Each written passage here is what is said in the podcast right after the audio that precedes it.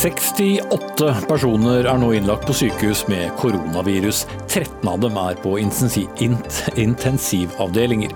Og I dag innførte Frankrike portforbud, mens norske helsemyndigheter oppfordrer oss til å være mye ute i frisk luft, så lenge vi holder avstand til hverandre. Arbeiderpartiet vil nekte krisehjelp til bedrifter som utbetaler utbytte og bonus, og får forsiktig støtte fra Høyre. Psykiatriske pasienter sendes hjem pga. korona, mens andre pasienter ikke får motta besøk. Det er ikke lett å være verken pasient eller pårørende i Norge om dagen.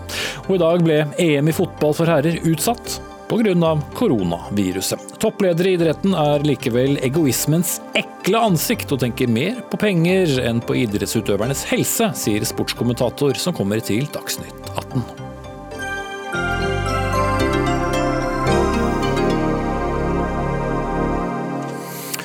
sier vi nok en gang god kveld og velkommen til Dagsnytt 18. Jeg heter Espen Aas, og også i dag så er det koronavirusutbruddet som eh, hele sendingen handler om.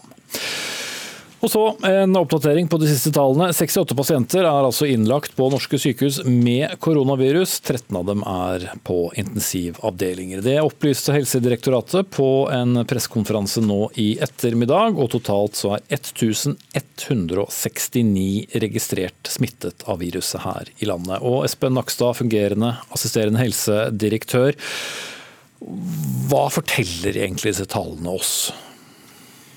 De tallene forteller oss at, eh, at, for det første at eh, det er en økende andel som tester eh, positivt, men det ser ikke ut som det er veldig mange flere per dag. Dvs. Si at det er ikke så mange flere i dag enn det var i går. Og de aller fleste tester negativt. Det er tatt over 20 000 prøver nå. 19 000 av dem, og mer enn det, er negative.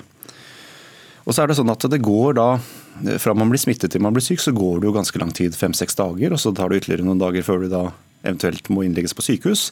Så De tallene vi ser på sykehusinnleggelser, de reflekterer egentlig smittesituasjonen kanskje for ti dager siden. Så, så, vi må være varsomme med å tolke sånne tall uh, isolert sett. Mm. Og Så er det det evige tilbakevendende mørketallene.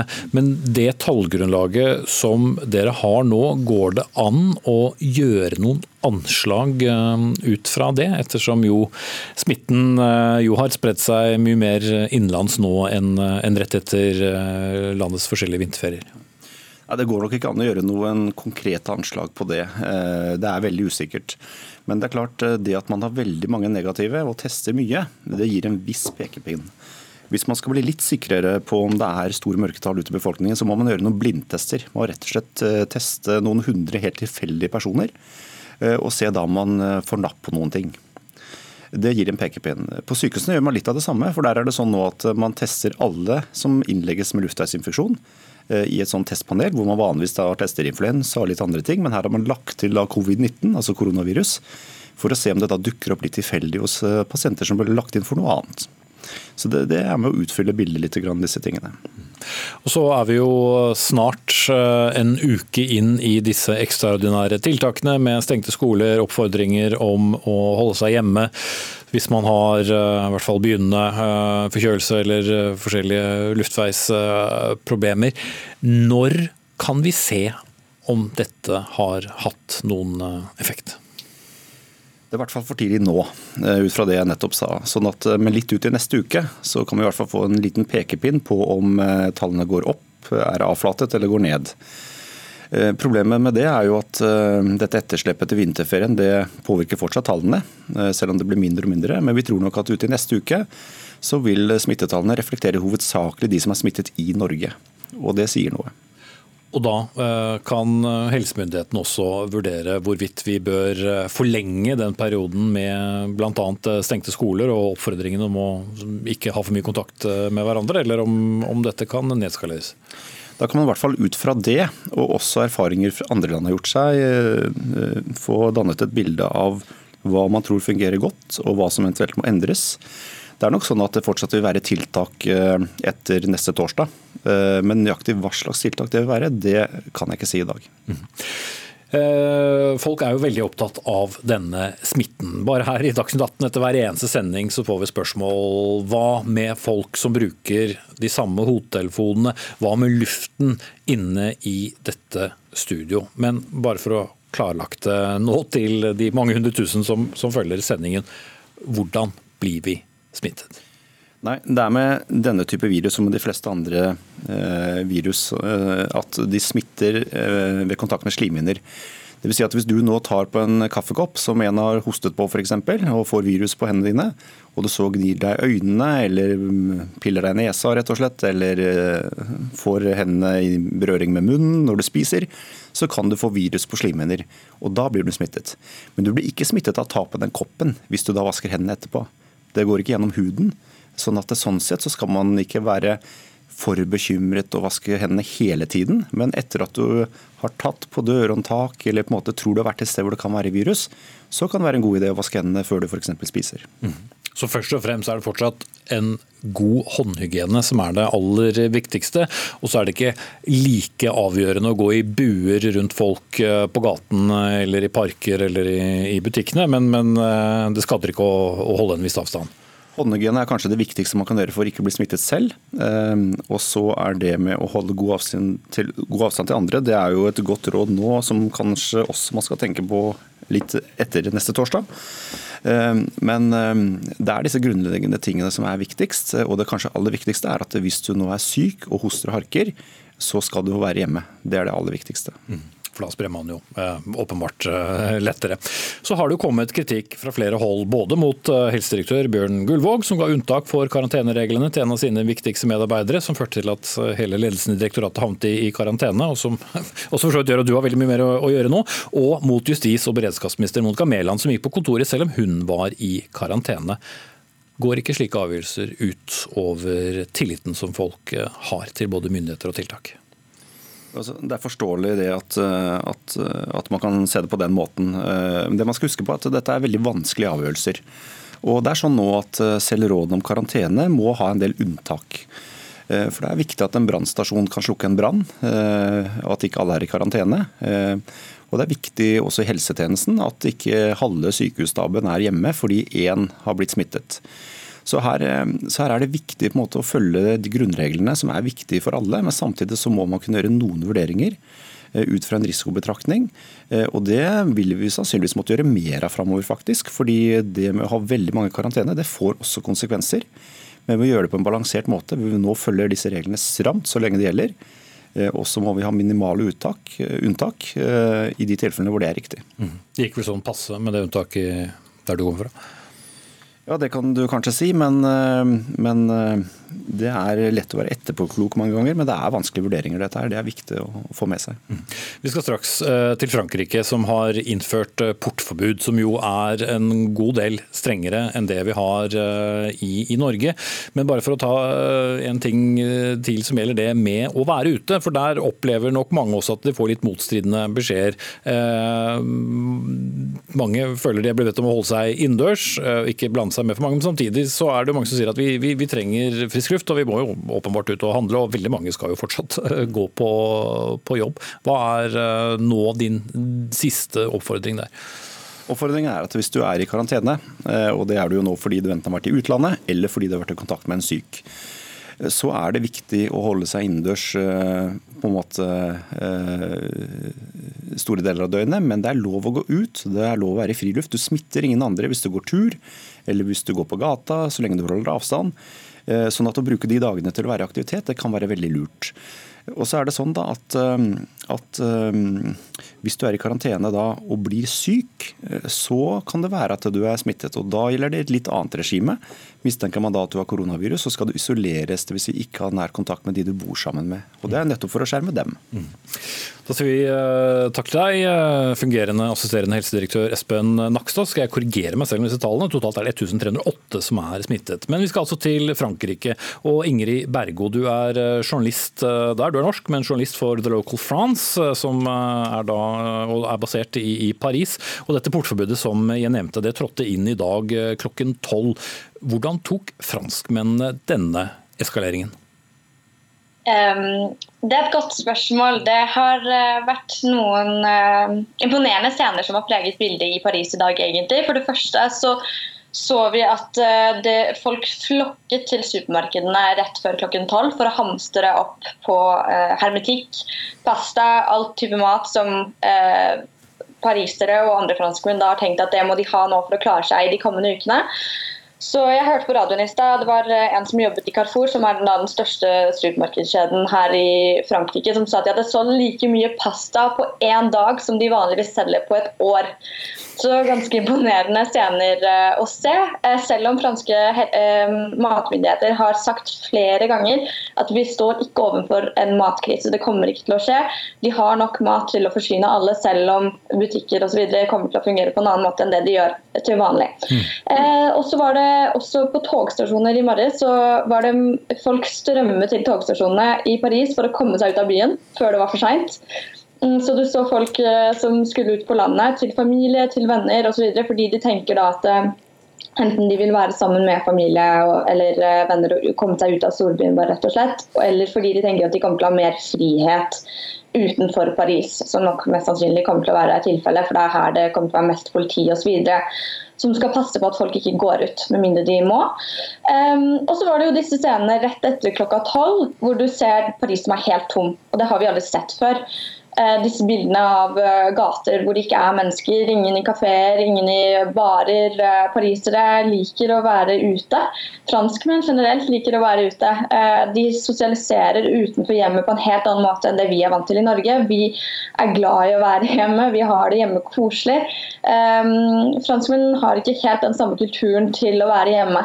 Så det var merkelige scener vi så her etter at klokka slo tolv i dag. Mm. Og Det at det nå er eh, portforbud, eh, Ingrid Bergo, hva betyr det rent konkret i, i praksis? Og oppfatter eh, franskmennene også hva dette betyr? Ja, Om de oppfatter det, det må vi se på, men det det betyr i praksis, det, betyr, det er at du ikke kan gå ut med mindre du må.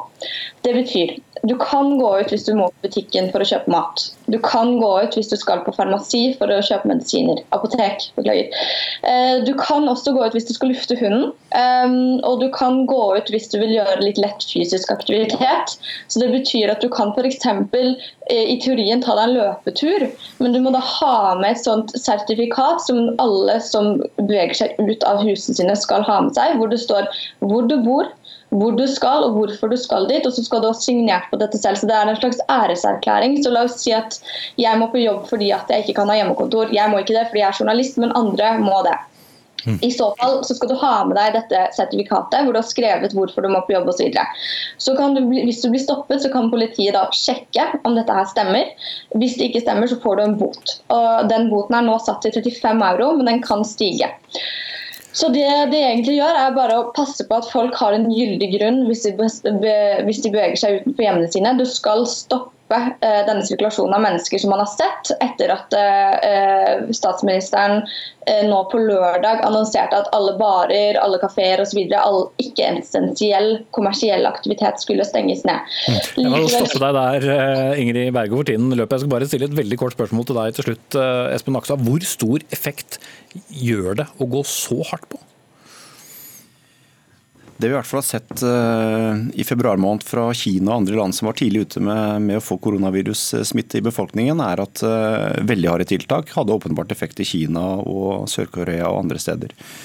I Europa nå så har man sånn strenge tiltak, men ikke like strenge tiltak som man så i Asia. Eh, og Tiden vil vise nå om en uke eller to eh, hva som er en fornuftig strategi for å begrense smitte. Mm. Takk skal du ha nok en gang, Espen Naksa. Også takk til Ingrid Bergå, journalist i eh, Paris.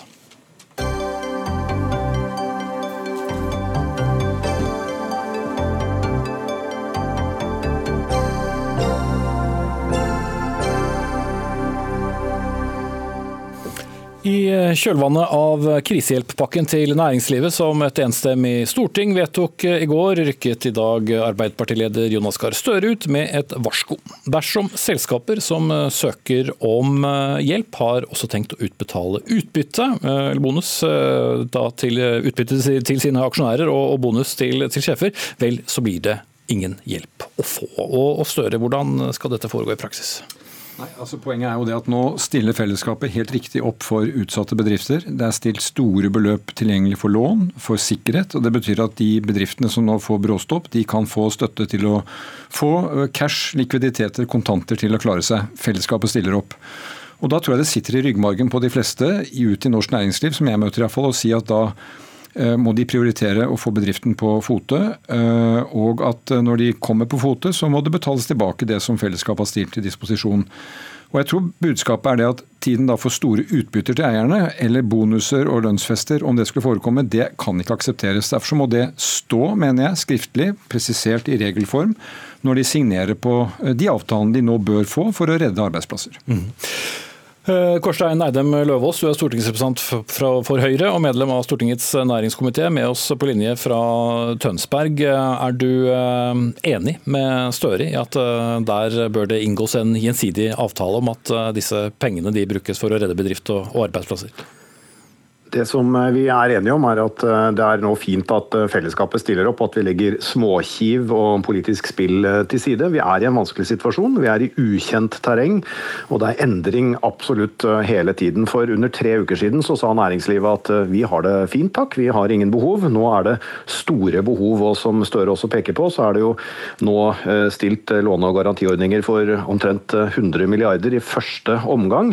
Dette kommer jo som en proposisjon, altså som et lovforslag til til Stortinget. og Da vil det være eh, både kriterier i forslaget fra regjeringen og rom for Stortinget å påvirke den eh, proposisjonen. Eh, jeg tror i alle fall at partileder i Arbeiderpartiet og jeg er veldig enige om at når man hører om at bedrifter planlegger å ta ut utbytte i denne situasjonen samtidig som de ber om krisehjelp, så, så skjærer det i ørene. Det er selvfølgelig umusikalsk. Men så tror jeg også, jeg er glad Støre sier både i VG og her nå, at det ligger i ryggmargen til bedriftseiere å være ansvarlige. Jeg tror ikke vi ser verken lønns lønnsfest, bonusfest eller utbyttefest. Jeg tror tvert imot at mange bedrifter vil ha problemer med å betale lønningene. Så, så, så her tror jeg man egentlig konstruerer et problem fra Arbeiderpartiets side. Betyr det også i det veldig lange svaret, som du vel strengt tatt ikke svarte på spørsmålet mitt i, at eh, du mener ikke trengs å eh, kreves noen garanti? Ja, eh, som jeg sier, eh, Det kommer et lovforslag til Stortinget. Det vil inneholde kriterier. Det kan godt hende dette er ett av kriteriene. Eh, men jeg skal ikke forskuttere hva regjeringen legger frem for Stortinget. Så får vi sammen sette oss ned, slik vi gjorde tidligere denne uken, og se på det som kommer, og utarbeide det til et, et godt forslag. Men jeg tror Arbeiderpartiet akkurat i dette tilfellet slår inn litt åpne dører. Mm. Gjør du det, Støre? De utbyttene som det har vært snakk om, er jo utbytter som er foreslått fra styret, og som skal vedtas på generalforsamling forsamlinger, og det skjer jo gjerne på sånn hver sin side av eh, denne kollapsen ja, vi nå ser. Eh, og, og, Jeg har hørt om de som sier at de har behov for å ta et utbytte for å betale skatter osv. Det er ikke det jeg snakker om, men det er jo det som jeg tror folk opplever, at eh, når fellesskapet stiller opp, så må det være en slags gjensidighet. Og I 2008 da var det bankene som var rammet, de er ikke rammet nå. De er jo veldig viktige for at vi nå kan låne ut penger. Og Da ble det inngått fra den regjeringen jeg var med i, ganske klare krav i forhold til lønn, bonus, avtaler for lederne i de bankene. Og Husker vi tilbake til USA i finanskrisen, så ble det en stor debatt om at man for å bruke litt eh, komplisert språk, man sosialiserte hjelpepakkene, dvs. Si alle stilte opp på dem. Mens de overskuddene som så kom rett etterpå, de gikk rett i lomma på eierne. Det rokker ved den solidaritetsdugnaden vi nå er inne i. Og Den handler jo om at eh, mange mennesker, og det må jeg si gjør dypt inntrykk på meg, blir jo nå rammet så det holder av dette. Mister jobber, usikkerhet, får ikke betalt regninger. Veldig, veldig utsatt. Og så stiller vi opp for bedriften, og det gjør vi. Og igjen, jeg har ikke uro rettet mot én en enkelt bedrift, men jeg tror det bør være en del av den pakka vi da eh, vedtar i Stortinget, og det vil Arbeiderpartiet foreslå, bør presisere hva som skal stå i den avtalen. At får du den håndsrekningen fra fellesskapet, det er ikke å slå opp noe åpen dør, det, eh, eh, Løvaas.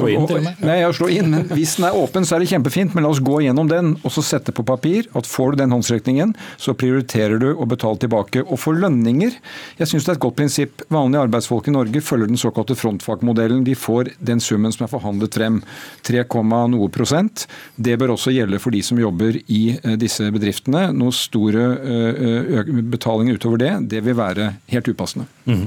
Men det er ikke det at du har en grunnleggende mistenksomhet eller en mistillit nå til norske bedriftsledere som gjør at du rykker ut? Nei, egentlig ikke. Eh, men, men jeg syns det er nødvendig å si det. Fordi at 100 milliarder kroner av det som egentlig er våre barns pensjonspenger Jeg mener barna våre vil synes at det er riktig at vi gjør dette. fordi at det kan bli, begrense denne enormt krevende situasjonen som er. Men ikke sant, dette er som jeg har sagt mange ganger, en stor solidaritetsaksjon fra det vi nå gjør opp mot helsevesen, som du hadde i starten av sendingen, til det vi gjør for de som er rammet i næringslivet. Og Da bør det stå fra det norske fellesskapet i tråd med våre verdier at får du den støtten, vel, da avstår du fra å ta det ut til egen vinning, så å si. Mm. Ja, Løvaas, mange permitterte går jo nå over i en tid hvor de nesten må redusere lønnen med, med 40% så helt urimelig vil det vel ikke være å be om noen garantier til de som for all del også skal redde en del eh, arbeidsplasser, men som kommer til å drive videre når vi har kommet oss på andre siden. Det kommer til å være kriterier når dette blir lagt frem for Stortinget. og Allerede så er det sånn at Finanstilsynet stiller krav om å ikke utbetale utbytte for å trekke på de statlige garantiene. og Jeg er glad for at vi er enige om at det viktigste nå etter liv og helse, det er å hjelpe bedriftene gjennom krisen, sånn at vi har en jobb å gå til etterpå. Og Jeg vil gjerne understreke at både Støre og jeg har tiltro til at bedriftseierne er ansvarlige. Jeg tror de nå går gjennom likviditet, de går gjennom planer, de går gjennom hvordan de skal komme seg dette. og da står ikke økt utbytte eller en lønnsfest eller en bonus på agendaen hos de ansvarlige bedriftseierne. Mm. Og Oppfordringen er da eh, større til de styrene som eh, nå har foreslått et utbytte som skal vedtas av diverse generalforsamlinger eh, fremover. Husk at alle er med på en dugnad. Ja, det er jo en del bedrifter som ikke kommer til å få støtte. Som da, de må, kunne, må i og for seg gjøre det som er ansvarlig for dem. Men altså tilbake til det Løvaas sier, at hvis det er så opplagt som det, så er det jo veldig fint, men erfaringen tidligere har vist at bare noen som går utover dette, rokker ved hele den eh, enigheten og, og, og, solidariteten som vi har. Derfor så mener jeg, basert på erfaringer vi hadde sist, det vi har sett i andre land, og det vi står oppe i nå, så bør dette legges inn som en veldig klar formulering. Det bør være enkelt, og det bør være tydelig, og det bør være klart kommunisert. Mm. Og burde eventuelt være noen form for straffetiltak for de som eh, ikke vil overholde det i ettertid? Altså Hvis det nedfelles som en kriterium for at du får den støtten, så må du jo følge med eh, noe av det. Men jeg håper ikke vi kommer i den situasjonen. og jeg, jeg mener, som jeg har sagt flere ganger i dag, at det sitter i ryggmargen for de som driver særlig små og mellomstore bedrifter. Men egentlig alle bedrifter er at de vil bedriften sin vel, de vil sine ansatte vel, de vil ta vare på det. Eh, men jeg tror det er nødvendig å gjøre denne presiseringen, fordi vi stiller altså opp mot 100 milliarder kroner til disposisjon, og da må vi sikre at de går dit de skal, og ikke til noe som vil stride mot en rettferdighetsfølelse. Mm. Vi forstår at eh, noen også hørte denne oppfordringen, som også denne høres noe tverrpolitisk ut. Takk til Arbeiderpartileder Jonas Gahr Støre og Korstein Eidem Løvaas, stortingsrepresentant eh, for Høyre, med oss eh, fra Tønsberg.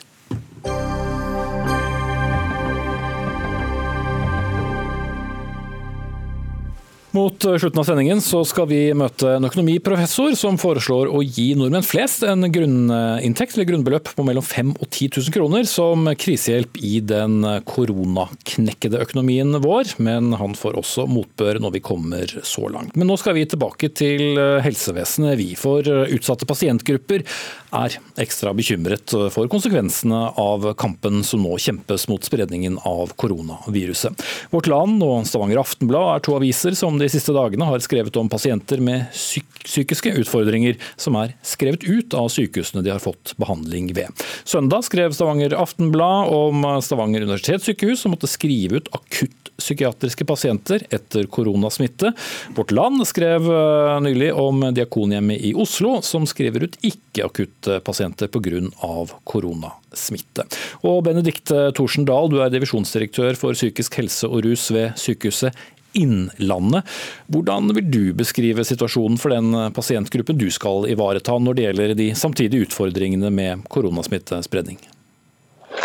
Den pasientgruppen står jo oppe i akkurat de samme utfordringene som alle oss andre nå. Vi er engstelige for eh, den situasjonen vi er i. Vi har ikke alle svar. Eh, og Samtidig så er vi i psykisk helsevern og rus en eh, selvfølgelig del av den beredskapsplanleggingen og den riggingen vi, som nå gjøres i hele helsevesenet for å sikre pasienter god behandling.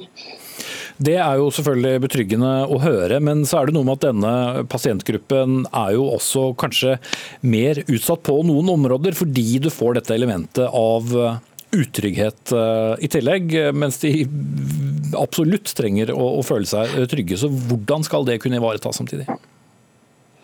Vi prøver jo å ivareta det så godt vi kan ved å, ved å holde pasienttilbudet vårt Eh, i gang og ved å prioritere pasientene våre. Vi, er, eh, vi, jobber hardt for å få opp og stå både telefonkonsultasjoner og videokonsultasjoner, sånn at vi kan eh, ha kontakt med pasientene våre selv om vi har mange i karantene hjemme av våre ansatte. Men dette er jo en ekstra utfordring både for ansatte og pasienter, og vi prøver bare å håndtere det så, så godt vi kan hele veien. Mm. Og så ser vi det at pasientene er utrolig eh, rause og romslige også om dagen. Mm. De gir oss gode tilbakemeldinger på det vi prøver å få til.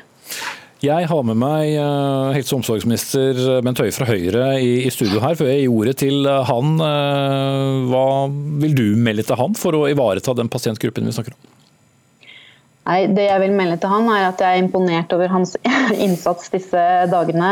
Og det at han også prioriterer å stille eh, med dette fokuset eh, i en eh, nyhetssending, det tenker jeg er viktig for mm. pasientgruppa. Så ingen krav, bare klapp på skulderen?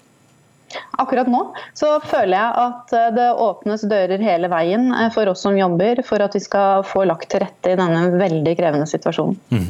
Ja, Bent Høie, den eh, var jo en heldig håndsutrekning der, men det er jo mange pårørende og pasienter selv som blir som nevnt veldig utrygge når de hører om at de kanskje må, må, må skrives ut hvis man ikke klarer å ivareta dem på, på, institusjonene. Hva slags grep eh, gjøres? For det er så mange pasientgrupper vi må tenke på nå uansett. Ja, da, Jeg forstår at mange er urolige i denne situasjonen. og så hører en jo nå at De ansatte i sykehusene eh, strekker seg til det aller ytterste for å gi alle pasientene god hjelp. og det er jo det hver enkelt av oss må tenke på i disse dagene når vi nå sitter i karantene eller eh, har barna hjemme fra skolen og de ikke får være der. Så er det jo nettopp av hensyn ikke bare til de som kan bli koronasyke, men òg de andre pasientene som har behov for hjelp i helsetjenesten. For alt dette handler om at vi ikke skal få så mange syke samtidig. At vi, må, eh, at vi ikke klarer heller å behandle og hjelpe de andre pasientene som har behov for eh, akutt og viktig hjelp. Men det er klart at det skjer en omprioritering i helsetjenesten vår nå, eh, som gjør at det er noen tøffere prioriteringer enn det som en gjør ellers. Og Hvis en avdeling innenfor psykisk helse får koronasmitte, så, så må de òg stenge. Det er veldig beklagelig, men det, det er ikke noen eh, alternativer akkurat sånn som det er nå. Da er det noen som gjerne skulle ha gitt mer hjelp, som får litt mindre hjelp akkurat nå. Men jeg er òg opptatt av at det er viktig at man har oppmerksomhet på eh, spesielt rusavhengige og mennesker med psykiske helseutfordringer i denne situasjonen òg. For en del av de har òg nedsatt eh, helse generelt, og det betyr at de er i risikogruppen for denne smitten. Og Da er jeg gjerne minst, eh, eller vel så mye opptatt av de tilbudene som er i kommunene, lavterskeltilbudene, botilbudene, og at de òg har et trygt sted å komme i en situasjon, sånn at ikke vi utsetter de for ekstra høy risiko for smitte for en sykdom som kan føre til at det er nettopp de som havner på intensivavdelingen eh, med veldig alvorlige konsekvenser. Mm. Men vi må altså være forberedt på at også akuttpsykiatriske pasienter i enkelttilfeller må bli skrevet ut? Ja, altså, men det, det, gjøres på bakgrunn av de aller beste faglige vurderingene i den situasjonen som er. og Det er jo noe som eh, vår, vårt helsepersonell er veldig godt trent i, for dette gjør de hver dag. De gjør prioriteringer, men prioriteringene kommer til å bli litt tøffere og vanskeligere i disse dagene. og Derfor jobber også nå Helsedirektoratet med en egen veileder som skal være en støtte for helsepersonellet i de vanskelige avgjørelsene. Og så har vi òg sendt ut eh, på mitt initiativ en et, en beskrivelse til kommunene om nettopp eh, hvordan de bør nå ivareta rusavhengige og mennesker med psykisk helseutfordringer i denne situasjonen. Mm. Karin Andersen, du er eh, stortingsrepresentant eh, fra SV og med oss på, på linje. Hva mener du bør gjøres overfor denne pasientgruppen? Det kan jo høres ut som vi ikke har så mye valg, det kommer litt an på, på situasjonen? Ja, nei, Jeg tror de fleste gjør så godt de kan nå, men jeg mener at, eh, og jeg er veldig glad for at eh, helseministeren nå tar dette eh, også spesielt opp. For dette er jo pasientgrupper både på psykiatri og rus som har vært i kronisk krise, kanskje både dem og familien deres, i veldig lang tid. Så dette er folk som har mye mindre å gå på enn kanskje en del andre pasienter. Og her har det jo vært også behandlingstilbudet eh, har jo vært for, for lite lenge. Altså Her har det vært lange køer og problemer med å få behandling. Så det som jeg vil spørre helseministeren om nå, er jo at vi, nå har vi jo veldig mange helsepersonell som er i koronakarantene, og jeg forutsetter at de blir prioritert for testing, slik at de kan komme tilbake igjen så raskt som mulig. Og at eh, når man sier at disse pasientene nå skal ivaretas av kommunale tilbud eller hjelpetelefoner osv., at man nå kan være enig med SV i at vi er nødt til nå å garantere at alle de som nå får inn frivillige, får inn andre typer altså studenter, helsepersonell ellers som har vært ute, at man får dekt alle disse utgiftene, slik at man kan få opp et tilbud på, til disse pasientene. For jeg må si jeg, jeg blir veldig urolig hvis man aksepterer at akutt syke eh, psykiatriske pasienter nå skal skrives ut. Det mener jeg er en høyrisiko handling. Og, og, jeg håper at helseministeren er enig med meg at det må unngås så langt det er mulig. Mm, det var direkte spørsmål, Høie. Ja, det er det siste så er jeg helt eh, enig i. og Det er det jeg òg opplever. Det syns jeg òg vi hørte fra helsetjenesten direkte nå eh, innledningsvis. At det er jo nettopp den jobben en jobber med å gi et godt, så godt tilbud som en kan til alle pasientene i denne situasjonen. Men, men det blir noe vanskeligere vurderinger enn det en vanligvis står i. Fordi at en kan være i en situasjon der en har mange som er smitta på en avdeling, der er redusert bemanning. En må gjøre noen omprioriteringer av ressursene. Eh, men det er ikke penger som er problemet. Det har vi gitt veldig klar beskjed om. Eh, at det er ikke ressurser som skal stoppe gode tiltak, men vi har begrensninger når det gjelder tilgang på folk, eh, som er en, utfordring. Og så er det selvfølgelig sånn at helsepersonell som sitter i karantene, de er prioritert for testing. og det er, det er de utenom de pasientgruppene som, som er syke, som er alvorlig syke, som skal testes nå.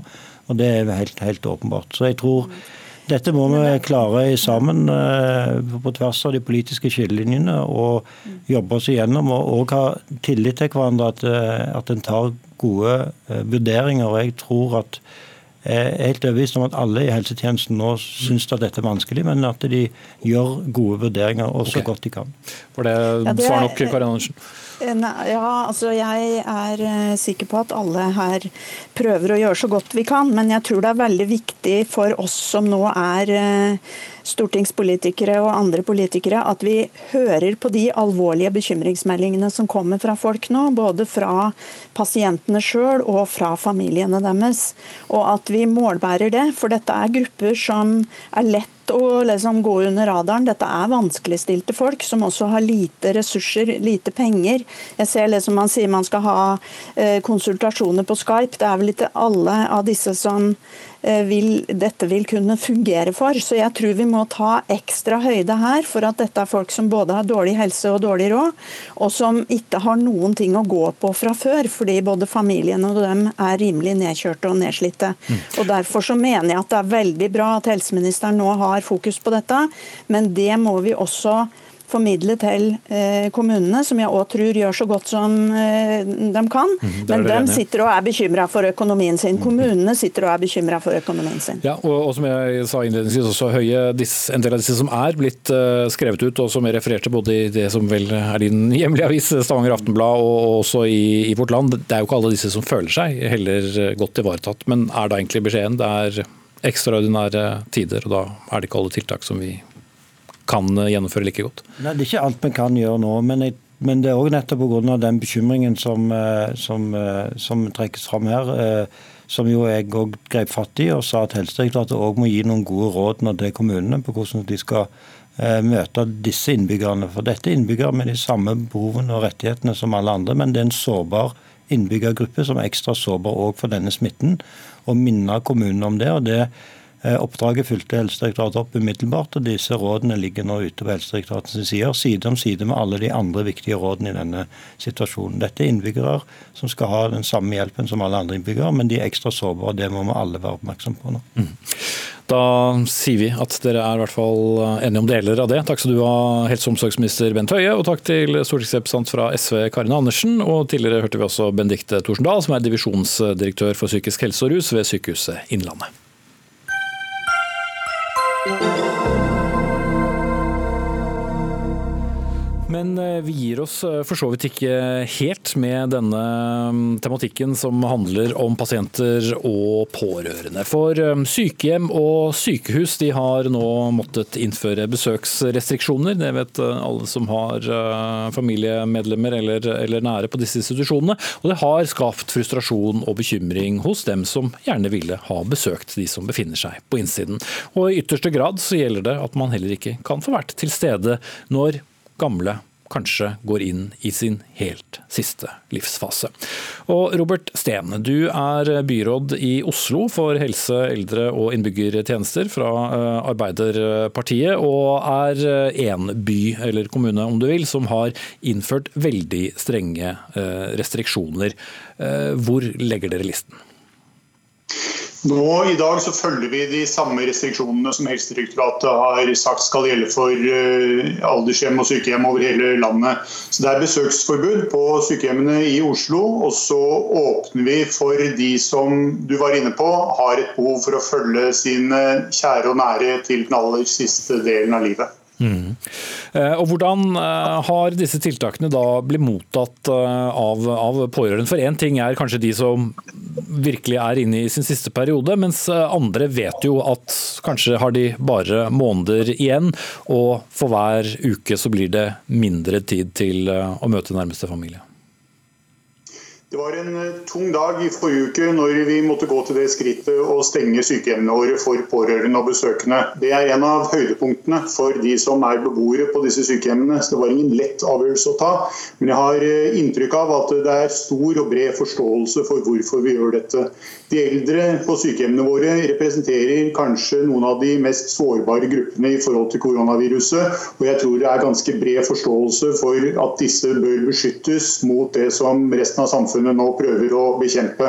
Og Så må det være vår oppgave å prøve å legge til rette for at sosial kontakt kan opprettes på alternative måter. Og Her opplever jeg at de som jobber på sykehjemmene våre, og jeg vil benytte en anledning igjen til å rette en takk til alle de som jobber på sykehjemmene, for at de nå legger til rette for at beboerne kan få kontakt med sine pårørende, det være seg om det er over telefon eller skjermløsninger. Okay. Så her er hvor kreativitet som utvises.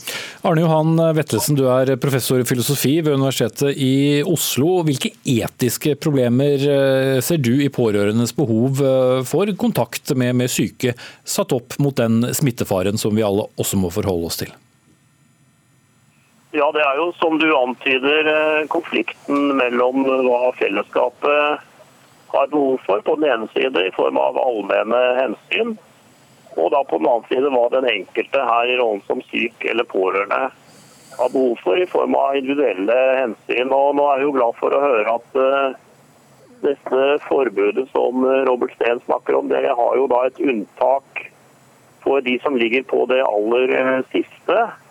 Uh, men det er jo slik at mange har jo ekstra store behov for å få besøk i denne tiden med så mye usikkerhet og så mange bekymringer.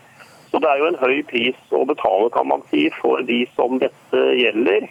Eh, men da av hensyn til eh, fellesskapet. Så jeg, jeg tenker at eh, man må jo bruke i den grad det går an teknologi, lyd og bilde, som skal erstatte det fysiske møtet. Men man må også vite at det er noen kvaliteter som går tapt. Det er ikke noen teknologi som kan erstatte det å holde i hånden til en nærmeste. Så jeg tenker at det er også veldig riktig å si at man er klar over at man, man krever mye eh, av eh, mennesker som eh, er sårbare fra før av, og at man må forsøke å ikke gjøre dette til, eh, til noe som er, eh, som er, selvsagt eller uproblematisk, for det er det ikke.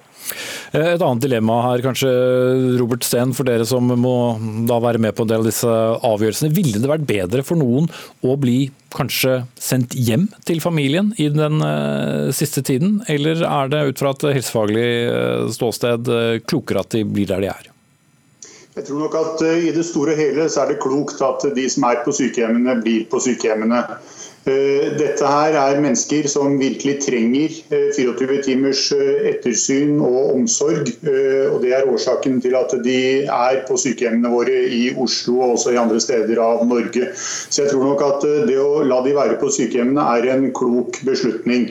Og så er det riktig som Vettesen sier, dette her er jo dilemmaer som vi står overfor i en veldig krevende og vanskelig situasjon. Men jeg er ganske sikker på at omsorgen i forhold til liv og helse helse eh, som er lagt til grunn her, er nok sannsynligvis den riktige beslutningsgrunnlaget. Og så går det veldig fort, disse tingene, og vi lærer litt mens vi går. Eh, jeg tror de fleste nesten har glemt at det er bare tolv dager siden Oslo måtte fatte beslutningen om å avlyse publikumsarrangementene i Holmenkollen, så det går veldig fort, dette her.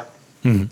Men eh, Arne Johan Vetlesen, alle de pårørende som da kanskje vet at en mor eller en fars siste fysiske eh, selskap, i hvert fall mesteparten av tiden, det blir da andre syke eller eldre beboere og eh, pleietrengende. Det er jo en, eh, en, viss sorg forbundet med det også? Ja, Det er veldig beklagelig at noen blir rammet av et, et, forbud mot å kunne besøke sine nærmeste som har veldig behov for det.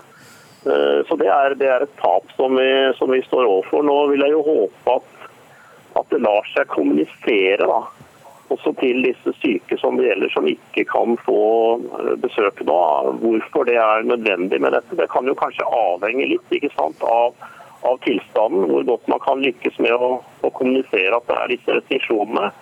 Og så må jo da bare de som kan være til stede, som er helsepersonell, som enn en, ens nærmeste, bare gjøre så godt de kan også for å, å formidle kontakt med de som da fysisk ikke kan komme. Det er eh, mange avveininger og ikke alltid så lette beskjeder som eh, må gis. Takk til Arne Johan Vetlesen, professor i filosofi ved Universitetet i Oslo, og Robert Steen, byråd i Oslo for helse, eldre og innbyggertjenester fra Arbeiderpartiet.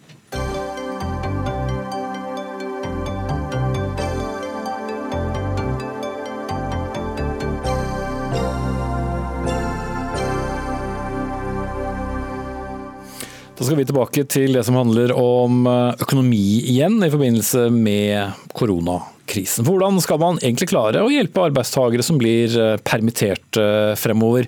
Så vel som bedriftene som må foreta disse permitteringene. Hvorfor ikke gi alle nordmenn mellom 5 og 10 000 kroner som de kan spytte inn igjen i økonomien, foreslår to akademikere i dagens utgave av Aftenposten. Kalle Moane, du er en av dem, professor emeritus ved Økonomisk institutt ved Universitetet i Oslo, og altså medforfatter. Hvordan løser en slik eh, pengegave nærmest eh, noe? Eh, for bare si den andre er Sverre Munch, som er medforfatter for det lille innlegget vi hadde. Det er ikke nødvendigvis at den løser krisen. Altså Krisen skal jo på en måte ikke løses, for vi skal jo være utestengt. Men den gir en annen form for trygghet for folk som er veldig vanskelig å nå med direkte støtteordninger av det slaget som en nå har lagt opp til etter, selv etter den eh, ganske gode krisepakken ble vedtatt eh, på Stortinget, så er det et mye enklere system. Det vi foreslår er ikke akkurat det du sier. Vi foreslår la oss si 10 000, bare for å ha et enkelt tall. Vi foreslår at alle får 10 000 kroner. Og så gjøres dette opp i forbindelse med selvangivelsen. Hvis du ikke har behov for disse pengene, kan du til og med trykke på en nei-knapp og så si denne trenger jeg ikke. Jeg trenger ikke ha dette for, hva skal si, eh, unnlatelsen av å betale inn den skatten en vanligvis skulle gjøre. Og så kan alle de som får det, som har fått helt bortfall fra inntekter, det gjelder frisører, det gjelder frilansere, musikere, kunstnere, eh, eh, folk med enmannsbedrifter, selvstendige næringsdrivende av forskjellige slag, har, der inntektene faller pladask, der du ikke kan gi skatteutsettelse på en annen måte enn å få pengene inn på egen bankkonto. Og så når selvangivelsen kommer, da, så er det et par måneder dette kan vare, f.eks. Da har du da betalt for lite skatt for noens tilfeller, så blir dette gjort opp i, skatte, eh, i skatteoppgjøret som kommer en gang på nyåret for dette ganske spesielle året 2020. Og for andre så vil det være det at dette vil være en del av den reelle støtten de får, og som går ubyråkratisk uten å dele opp eh, potensielle støttemottakere i de så å si verdige trengende og de som ikke er så verdige trengende. I utgangspunktet alle, med mindre man sier nei? Riktig, med mindre man sier nei. Men mange vil jo antagelig si nei og si at jeg har jobb i, i staten skatten, jeg trenger ikke dette, så kan de trykke nei. For det, i, i deres tilfelle så vil det ikke være kanskje behov for en sånn støtte. Så den skal ikke løse næringslivets problemer, men den skal løse likviditets- og trygghetsproblemet i vanlige husholdninger. Det første, si det første Eh, som blir gjort fra regjeringens side, litt polemisk poeng, men jeg syns det er verdt å nevne at det var veldig viktig for at folk som hadde eh, skyldte formuesskatt, at de måtte få utsatt formuesskatten. Men dette er folk som ikke har noe formue, som ikke har noe formuesskatt å utsette. Derfor penger rett inn på bok, og slik at de kan ha den tryggheten og den sikkerheten som dette innebærer, og løse de likviditetsproblemene som det innebærer. Ok. Mathilde Fasting, du er økonom i tankesmien eh, Civita. Hva syns du om forslaget? Ja, jeg skal i disse tider ikke krangle så fælt med deg, Kalle. Vi har diskutert uh, borgerlønn og denne typen betalinger, kontantbetalinger før, men jeg kan ta først de tre tingene som eh, jeg vanligvis pleier å si, som gjør at jeg ikke ikke syns at dette er et helt ålreit forslag. Det første er at eh, forskjellen ved å innføre dette og det som det nå har kommet i denne pakken, og sikkert kommer mer av også, er at eh, du gir nå eh, med denne løsningen her penger til folk som ikke har behov for det, selv om du sier at man kan velge å ikke ta dem imot. da. Så man trenger ikke borgerlønn sånn sett, fordi du kan bruke pengene da, som det andre jeg mener, at du bruker dem mer på en treffsikker måte dersom du da går for alle disse tiltakene som kom i Stortinget og som nå er vedtatt, dette med permittering penger dette med at selvstendig næringsdrivende skal få osv. osv. Men eh, så sier jeg jo at eh, jeg syns jo at forslaget for så vidt er eh, spenstig sånn sett fordi at jeg vil anerkjenne det ubyråkratiske og det raske ved det forslaget her. Det syns jeg er bra, og jeg hadde ikke fått med meg at du kunne trykke på en knapp for å si nei. Så jeg syns ikke det er så dårlig som du kanskje fryktet at jeg ville synes. Mm. Og som en parallell, da, før du skal ta denne rosen innover deg, Mone. Rett før sending så foreslo USAs finansminister i nesten hver eneste amerikaner en enkeltutbetaling for å hindre da negative økonomiske konsekvenser. Der eh, er vel det forslaget faktisk litt mindre konkret enn det dere to eh, skrev om, men eh, det er noe i, i den gaten. Det er ikke noe så veldig stor størrelse på det, og det er kanskje også litt stemmefisking. Men jeg vil bare si i det tilfellet så er det et eksempel på at en blind høne kan finne korn. Og det, det, er, det er, for det er en ubyråkratisk ordning. Det er, den virker raskt, og den, er, den koster ingenting. Altså Folk tror at, at penger inn på bok er en kostnad. Dette er en overføring, og det skal ordnes for de aller flestes eh, tilfelle. Så kan det ordnes i forbindelse med, med skatteoppgjøret. Og Overføringer er ikke kostnader. Det er, det er omfordeling av inntekt. Det er ikke en oppofring fra landet. Dette er å ordne et, et, et, et prekært eh, behov som eh, mange har. Og det, Noen av de forslagene som er, er, nå, er veldig byråkratiske. Altså, jeg gir honnør for at de har vedtatt en veldig sjenerøs plan, så vidt jeg kan skjønne, den, den kriseplanen som er vedtatt. Jeg vil gi honnør for det, men den, den er veldig vanskelig å implementere. Nav ikke, er ikke kjent for å liksom løse raskt alle problemer fra forhistorien. Dette blir en veldig belastning på Nav, med de de skal ha en spesialordning for sosialstøtte for folk med midlertidige inntekter. Hvorfor ikke rett ut, og så ordner en dette i etterkant gjennom selvangivelsen? Det er jo en så ubyråkratisk og enkel måte at det skulle være mer hurrastemning enn som så. Og dere som tilhører sentrum Høyre, likevel det ubyråkratiske, Mathilde Fossing? Ja, altså Det ubyråkratiske har jeg allerede anerkjent da jeg skrev om, om, om, borgerlønn, som jeg gjorde for en stund siden. Og det, det, kan man jo si hvis man har et system som Eller ikke har et så utviklet velferdssystem som vi har i Norge i dag, for det har vi jo. Og det er jo derfor at jeg mener at det generelt er bedre å bruke det systemet som vi har på plass, fordi det er finmasket og det er veldig bra. Og vi har også, bortsett fra at dette dreier seg om kontantutbetalinger, så har har jo vi i Norge et system som fanger opp alle, alle mennesker. både fra, helt fra barnetrygden til barnehagene som er subsidiert, til skolegangen, til utdanning osv. Men akkurat i dette tilfellet her så snakker vi jo om konkrete penger på bok. Så eh, jeg trodde kanskje ikke at du skulle være enig med Trump, eller at han skulle komme med et, til, et forslag som du skulle være enig i. Det er utrolige tider. Det er utrolige tider. Men, eh, men eh, jeg, jeg syns at vi, det går an å se de, om de vedtar det der. Og så får, får jo politikerne få dette her og tenke litt på det neste gang de kommer vel en krisepakke til. Men eh, 10 000 kroner, nå er det for så vidt et eh, eksempel, da, men eh, det holder jo ikke til mye husleie i noen av Norges eh, storbyer, det i Stavanger, Tromsø, Bergen, Oslo? Enig, men det gir en, en, grunnleggende inntekt som det er Under det faller du ikke. Eh, og det er eh, per måned vi snakker om her. Under dette faller du ikke, så det, det er slik det, det, skal fungere. Det vil korrigere Mathilde Fasting litt og si at det, dette er ikke en borgerlønn. Det er ikke, det er er ikke en lønn, det er ikke, det er ikke en gave nødvendigvis. Det er en gave i den forstand at det kan, at det kan være en fors, selv, fors, forskuttering av ordninger som er f.eks. noe vedtatt i kriseplanen, som nå kan nettes ut. Og dessuten, vi har ikke gode, det er ikke riktig, vi har ikke gode sosialstøtteordninger for frilansere, for folk med midlertidige inntekter, for, som er en mye større gruppe enn en det mange tror. De, får, de må gå på sosialen for en spesialordning for seg. Her får vi en ordning som er, er på en måte er tilpasset til sjenerøs overfor de, og så kan det nettes ut med inntekter på siden. Det er også vedtatt ordning for veldig mange. Jeg må sette strek nå. Takk til professor Kalle Moane fra Økonomisk institutt ved Universitetet i Oslo og Mathilde Fasting, økonom i Sentrum Høyre Tanksmin Civita.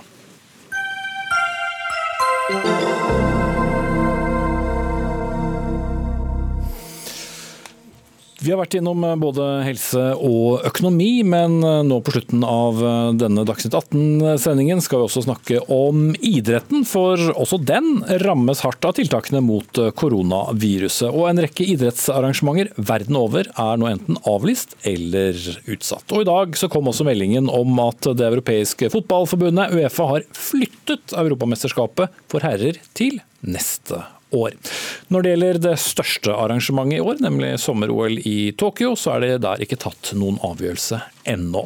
Pål Bjerketvedt, du er generalsekretær i Norges eh, Fotballforbund, og du har vært med på å ta denne beslutningen på vegne av Norge på Uefas eh, telefonkonferanse i dag. og Dere var først ute med å avsløre avgjørelsen, blitt sitert eh, verden over i ettermiddag. Men var det med litt tungt hjerte dere flyttet på noe som så mange er opptatt av? Nei, det må jeg si var en enkel avgjørelse. Det var ingen motstemmer blant de 55 fotballforbundene som var med i dette møtet i dag. Det er en helt riktig beslutning, og den har jo også ligget i lufta noen dager at det måtte bli en utsettelse. Og når det først skulle utsettes, så måtte det bli et helt år. Rett og slett fordi ikke det er datoer å gjennomføre et mesterskap eh, resten av året. Mm. Noen lurer kanskje på hvorfor dere først kom fram til det nå, og ikke tidligere? Ja, det er, jo, det er jo Uefa som eier denne turneringen.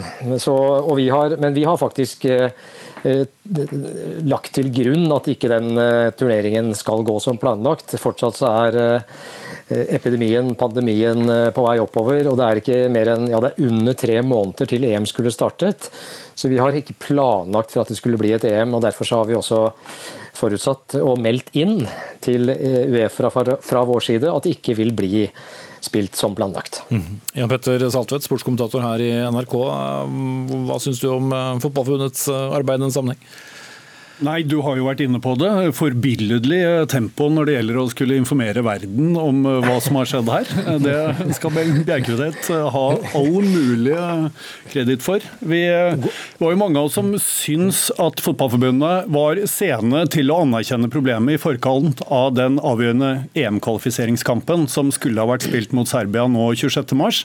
Prøvde i det lengste å ville ha tilskuere på Ullevål. Og der eh, følte vi vel at forbundet ikke ikke viste utad at de tok eh, dette på tilstrekkelig alvor. Det de har gjort i ettertid, er jo ingen grunn til å kritisere. Det er jo Uefa, som Bjergtvedt sa, som har eh, sittet på den beslutningen. Mm. Tror dere litt føttene etter dere i det Saltvedt eh, nevner her, Bjergtvedt? Ja, Dette kom jo veldig brått på oss som på alle andre. Og det er klart, du har rett i én ting, Saltvedt. Vi hadde veldig lyst til å spille denne kampen. Men ikke pga. pengene, som du har, eh, har skrevet i din kommentar. Dette er jo tross alt en, en, ville vært en kjempestor begivenhet for norsk fotball. Den største på mange år. Fullsatt stadion en EM-plass i spill osv. Men økonomi har ikke vært tema for oss når vi ønsket å spille den kampen. Og Det er rett og slett fordi vi visste jo at den ville bli spilt på et eller annet tidspunkt uansett. Og da må jeg legge til at det er mye mye verre for norsk fotball som sådan, den situasjonen vi er i nå. Mange klubber, breddeklubber og toppklubber rundt omkring i landet, 1800 i tallet for øvrig, som nå vil slite med sin økonomi når vi beveger oss noen uker framover nå. Mm. La oss holde oss litt på økonomien, og så skal jeg ta inn eh, tredje mann her, nemlig deg, Leif Welhaven, sportskommentator i VG. For du har denne uken skrevet om det du kaller egoismens ekle ansikt og stiller spørsmålet hvor mange internasjonale idrettsorganisasjoner velger aktivt å sette kampen mot korona foran kronasjer. Har eh, fotballen nå vist god vei her? Ja, altså det er ikke Norges Fotballforbund som har vært uh, verstingen her på noen måte. Nå skal det vel understrekes at Økonomi hadde vært et tema dersom tomme tribuner hadde vært et tema mot uh, Serbia. Men det jeg særlig tok for meg, var altså f.eks. at du så at vi holdt på med verdenscup i skiskyting helt fram til lørdag. Hvor det attpåtil altså ble kost og klemt i målområdet etterpå. Det var et sykkelritt. Eh, fra Paris til Nis eh, samme dag. Altså FIS, Det internasjonale skiforbundet, var lovlig senere, og utøvere var allerede altså, på, på, plass i Canada fra flere land før det altså, ble avlyst. Og I sum så er det altfor mange altså internasjonale idrettsorganisasjoner som nølte altfor lenge med å ta alvoret inn over seg. Og så kan man jo lure på altså, om eh, Uefa har vært uh, kjappe nok på banen eller ikke. Og fortsatt så undres jeg veldig på at uh, både IOC og Japans regjering kommunikativt fremstår så tydelig uh, om at de har en intensjon om å gjennomføre OL, all den tid det fremstår for meg altså, forholdsvis urealistisk. Ja, Bergtvedt, du skal få slippe å svare både Japan og, de andre idrettsorganisasjonene.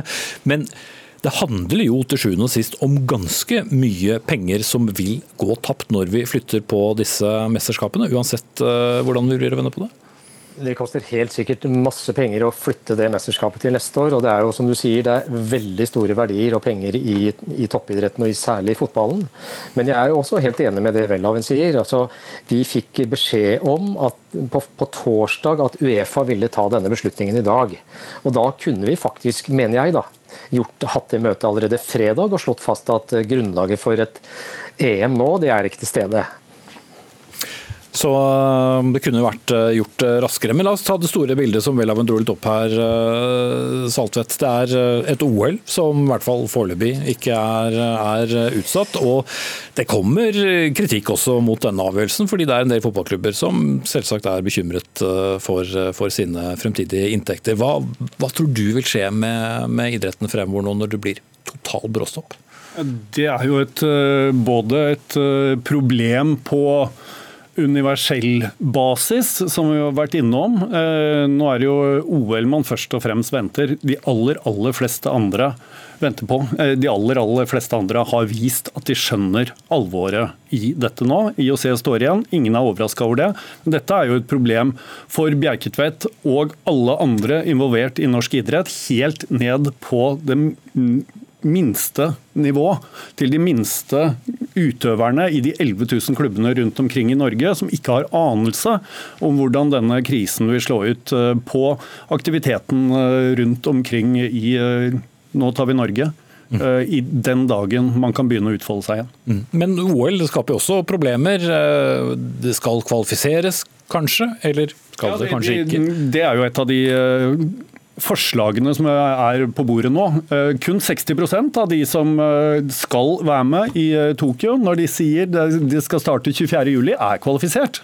Så det skal være turneringer fra nå til og med juni. Våre håndballag er ikke kvalifisert. altså Våre brytere det er veldig mange som går og venter. Problemet er at de hver eneste dag må forberede seg, så lenge det ikke blir tatt en beslutning om utsettelse. De må på de stedene hvor det er smittefare hver eneste dag, hvis de skal være forberedt godt nok når det en gang blir OL. Mm. Ja, uh, Velhaven, Det er jo ikke noen liten operasjon å skulle flytte et OL. og Ser vi bakover uh, historien, så ja, moderne verdenskriger til uh, eller enorme internasjonale boikotter før, før det, vi ser den slags. Nei, og Det er klart altså det er investert eh, enormt i infrastruktur i Japan. Japan har en presset økonomi. Dette, disse olympiske lekene skulle være det som eh, ga organisasjonen en boost. Det er viktige egeninteresser hos IOC. Men uh, poenget er at du, du kommer jo altså til et punkt hvor det handler om å prioritere hva det er uh, som er viktig her uh, i verden. Og her er det at jeg savner at en del idrettsorganisasjoner, og kanskje ikke minst altså, IOC, er tydeligere altså, på et uh, verdigrunnlag. Og altså, Infrastruktur i Japan kan man få nytte av i et uh, OL senere, selvfølgelig. Men uh, det er ikke så lenge til sommeren. Altså, vi ser en viruspandemi som vi har sannsynligvis altså veldig lenge igjen av. Og tror jeg at alle involverte er tjent med at man får tatt et valg raskt. Og svaret altså fremstår helt åpenbart. Det blir ikke olympiske leker eh, i Tokyo til sommeren. Det fremstår i hvert fall okay. helt, helt, helt utopisk. Da setter jeg strek. Takk til Leif Welhaven, eh, Pål Bjerktvedt fra NFF og vår egen Jan Petter Saltvedt. Denne sendingen er ved veis ende. Ansvarlig for den var Dag Dørum. Finn Lie hadde det tekniske ansvaret. Jeg heter Espen Aas. Da får dere riktig god kveld og håper det venter mer enn lyspærer til middag. Det er vel ikke så mye mer i alle butikker.